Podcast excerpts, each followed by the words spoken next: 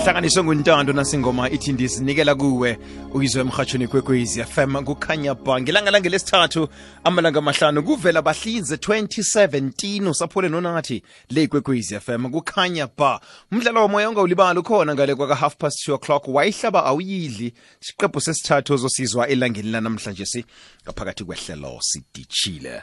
the big r solutions um zincwadi eh incwadi ezimbili ne two three um zintathu Three, manje yeah but the good story is sengigcibe yesine yesine Wow. but it's a second edition yokuqala wow which is as big is twice bigger than the first one mshengushabalala yeah you see nosifundisa abantwana yeah that's what we are doing kuyathokoza ukuthi ufikele ngela namhlanje si eh, babushabalala um, nokuthi uzoxoxisana nathi emhatshweni kwekwez f m sekusikhatshana man yeah you know what eh ngifuna ukuthi eh ngiyabonga kuwe nothabile nestation SABC ngoba ngaso sonke isikhathi nisinikeza iplatform wow sokuthi sikhulume nabaphulaphula benu or abalaleli benu so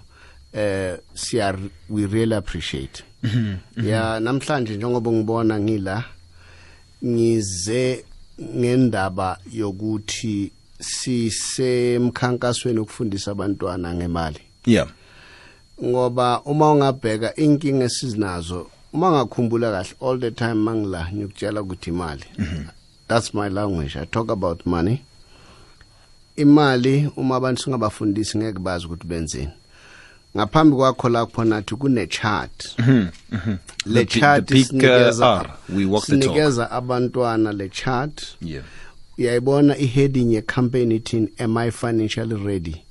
ngamanye amagama umntwana uyazibuza umbuzo ukuthi am i financially ready then abone ukuthi oh angabi angalungeli uma angakalungeli ufanele ngiyenzeni ukuthi ngifike kumgangathweni oright bona siney'nkinga nathi kuney'nkinga zemali zemfundo imisebenzi yonke lento le kuko konke kule nkinga lezi inkinga iwani imali manje imali angeke ube nayo uma ungayazi ukuthi qhamukaphi manje kufanele usifundise kona manje sithi thina njengoba ngifundisa mina abantwana bami endlini nabo labo engisebenza nabo but ngithe no akuncedi ukuthi ngifundise abantwana bami nalabo engihlala nabo fanele ngifundise abantu bonke ingakho ubona ngibhala incwadi ezifundisayo now sabe sesithi uh, let's go a little bit further siye ekoleni sifundise abantwana okay ngemali okay le chart let am a financial rate umntwana uzoyithatha ayibheke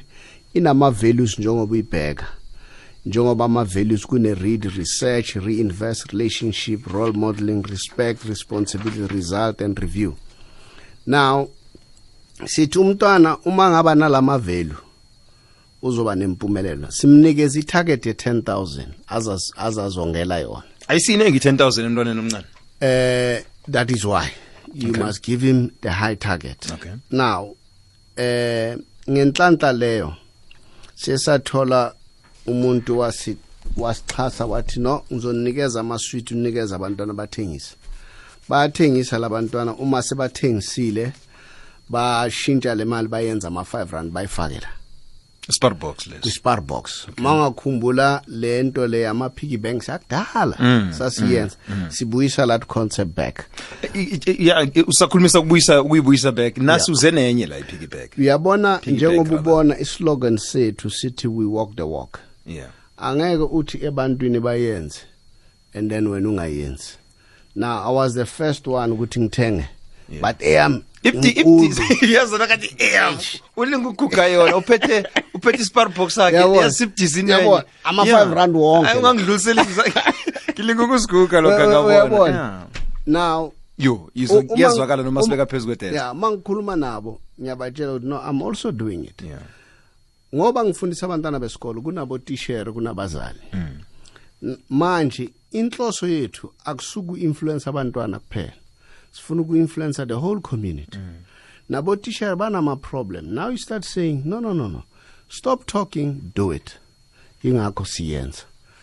okwamanje wena nathi sesincede abantwana bayi38 ukuvula ama bank account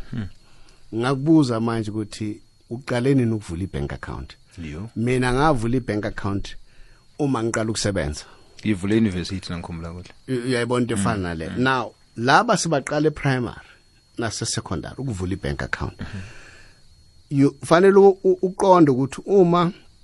avula ibank account e- e- e- e high school nase primary now so uyaqala um engage manje ne financial institution so uzaqala uku understand ukuthi what is financial institution kwenzakalani kufunekani manje uyayikhumbula lencwadi yami yokuqala le ngibhale i-second edition yakhona nga-adda more information nge-personal finance ukuthi uma uya ebhenki fanele wenzeni angithi uyeuzwa abantu bathi aye ebhenki ube nama-card card ma ufika ngaphandle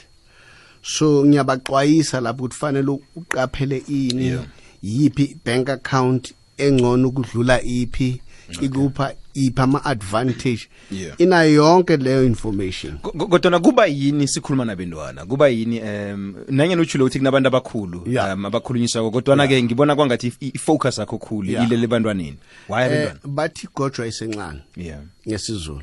Sisemanzi. Eh, ngoba eh, i mean ise- isesemanzi ngoba fanele uqale ngabo Yeah. then uyitshale eh uma ungabheka manje sine problem yama eh, yama grants sine problem yani yama RDP yabona ukuzisa ibhlungu ngendla- ngenda- ngale ndaba ama RDP igovernment yabanikeza ama RDP yes igovernment iye yabona ukuthi no we recognize indaba ukuthi abantu banida ama RDP but guess what abantu bakithi bayathengisa futhi now ngeke ngezwe but after local elections ugeneral secretary we-anc athi the- makahamba kulama squatter camp half of squatter camp bezigcwele abantu bangaphandle Mm. bazithole kanjani abazitholanga for ku- ebantwini bethu Injalo. bazithola ebantwini bethu manje sithi kulabantu bethu ake siyekeni entitlement sizenzele now uma sibanikeza that vision at 10000 eh you know what uma usave a 5 rand a day okay uh, in 5 in 7 days is 35 rand four times and then time is 12 now it's up to you ukuthi ufuna ukusave malini do you understand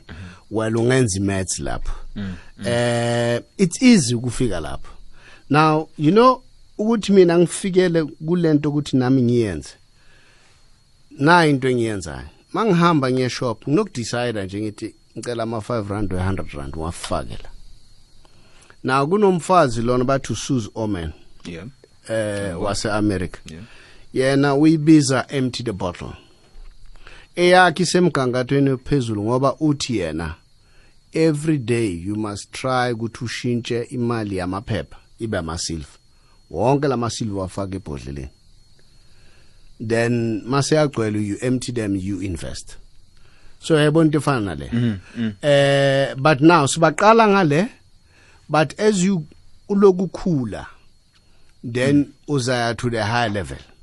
then wenze sure ukuthi ufaka more Ngi- ngibona um ukhulumisa nokuthi kuqakathekile ukuthi bafundiswe um a- amakhono ama skills Yeah. azobenza babe ma plumber Yeah. ma electricians Yeah. motor mechanics yeah you see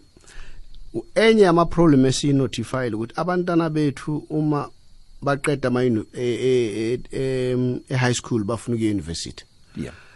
then nabaqeda qualify bayeza bagcwale laphana and then thola ukuthi they're unemployed because they're unemployable and ake sibheke i-service delivery ukuthi inkinga yayo yini service delivery ilethwa ukuthi swela ama-skills uma i- ipipe yamanzi ibhestile umasipala una few plumbers and ba ba contract a few thola ukuthi is overworked but if they have more plumbers then we won't have service delivery and uma uyiplumber that's the nice part of it angeke uqashwe nje umasipala ungaqashwa ungabuye wena futhi uziqalele yakho ibhizinisi ma uhlala eduze kwesikolo uyaya lapha kuprincipal uthi na ibhizinisi card umama toilet ablock angithinte then ngizokublockla the same ne-electrician yile zinto esibafundisa zona enye into esibafundisa yona i-reading reading is yeah power yeah no no no kunjalo um you know bengilalela uBill Gates one day uBill Gates uthi wenza sure ukuthi every year ufunda 50 books every year 50 books now There's a, there's a one book a week, you know, to I- well i don't know but 52 weeks Fif- eminyakeni. yeah, Yeah. 50 books Yeah. every year now you ask yourself good man uma umuntu obhizi njengobill gate can read 50 books what about me urobert kiyosaki once said for him to understand one subject he reads 50 books on one subject do you understand namanje uma ungaya lapha emotweni yami ngiphethe incwadi ngiyafunda la ngihamba khona ngilo ngiyafunda now uma ufunda the good thing about ukufunda you become independent ngifunda a very interesting book eh, which talks about the reserve banks where it started uh, what are the going ons in the reserve bank you see no one can tell you but now when you read you are independent you can read in the morning you can read exeni anytime you don't need a teacher so reading its independence wena njengomsebenzi wakho umsasasi or ms- esikhathini esiningi you read do you understand ingakho sibakhuthaza abantwana sithi fundani do you understand bese ke um asibile bentwana nabo esibasiza ukuthi ba- babeke imali bazifundise ukubeka imali yeah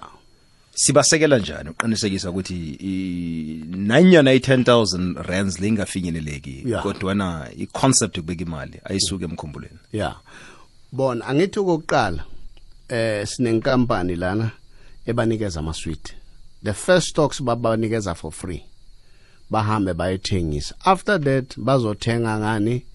nge cost price soke sibafundise entrepreneurship yeah that's part of it and you know what is good about this company bebangitshela bathi ama-sweet wabo enze ushukela wakhona akusi the natural sugar ushukela wakhona ubuya kuma-fruits okay you see now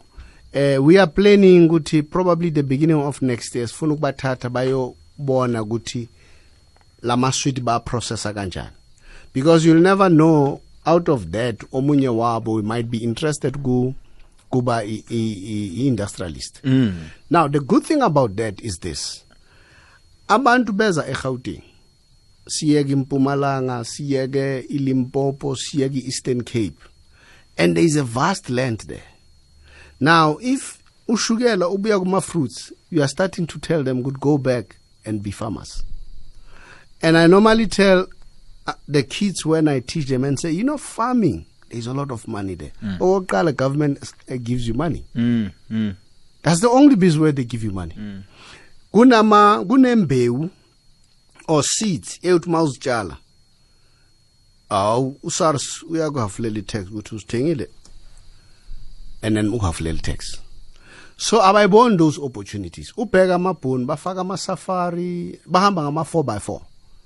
because there is big money yabona lama lezinto la- lama la- lama-pole wase-escom ahamba la ema- emafamini they get money from yeah escom yeah injalo for nothing yeah you see so yizinto abantwana bethu abangaziboni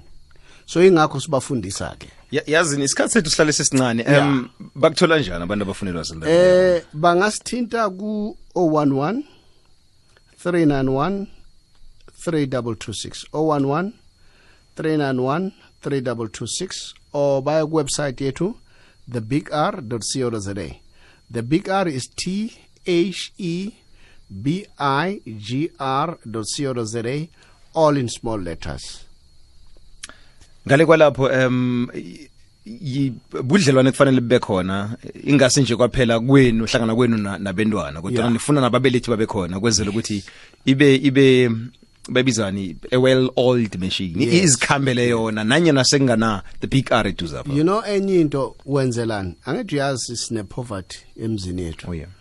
so mayigcwala lana sekune problem yokuthi ukuthenga ukudla umama uzadabula lento siyothenga ukudla now when you start inculcating because when you talk sikhuluma nabantwana nabazali nabotisha so that everybody's part so we buy into the concept you know and we are working with the department of education e-east rand ekuruleni no, eh, ekuruleni north uh, fortunately i need to thank them they gave us support they are there they are working with us njengoba ngikhuluma manje one of my colleague bekanemeeting ne-pensalp pensalp badila nge- nge-language yeah so iPensup they they are Language board. planning they are planning to go and conduct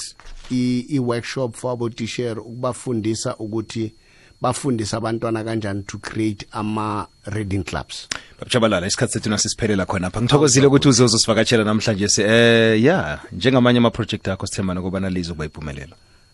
thank you much appreciated siyathokoza baba usubrichabalala besikhulumisana naye lo eh ya li- lijime lihleke lelo uphethe ispar box si asibdisini mina nginenkinga nginomraro omhlo- eh, we- wehlombe ke yazi kunje ngithinyesenehlombe ya sinemali ngaphakathi ispar box yakhe kodwa sithokozile em kubaba uchabalala ukuthi ezazosivakatshela namhlanje si asekufumane umoleni indaba izabe zikhamba phambili ngesimbi yesithathu mkhona zohlaza ulalele ikwekwezi fm Ikwekwezi fm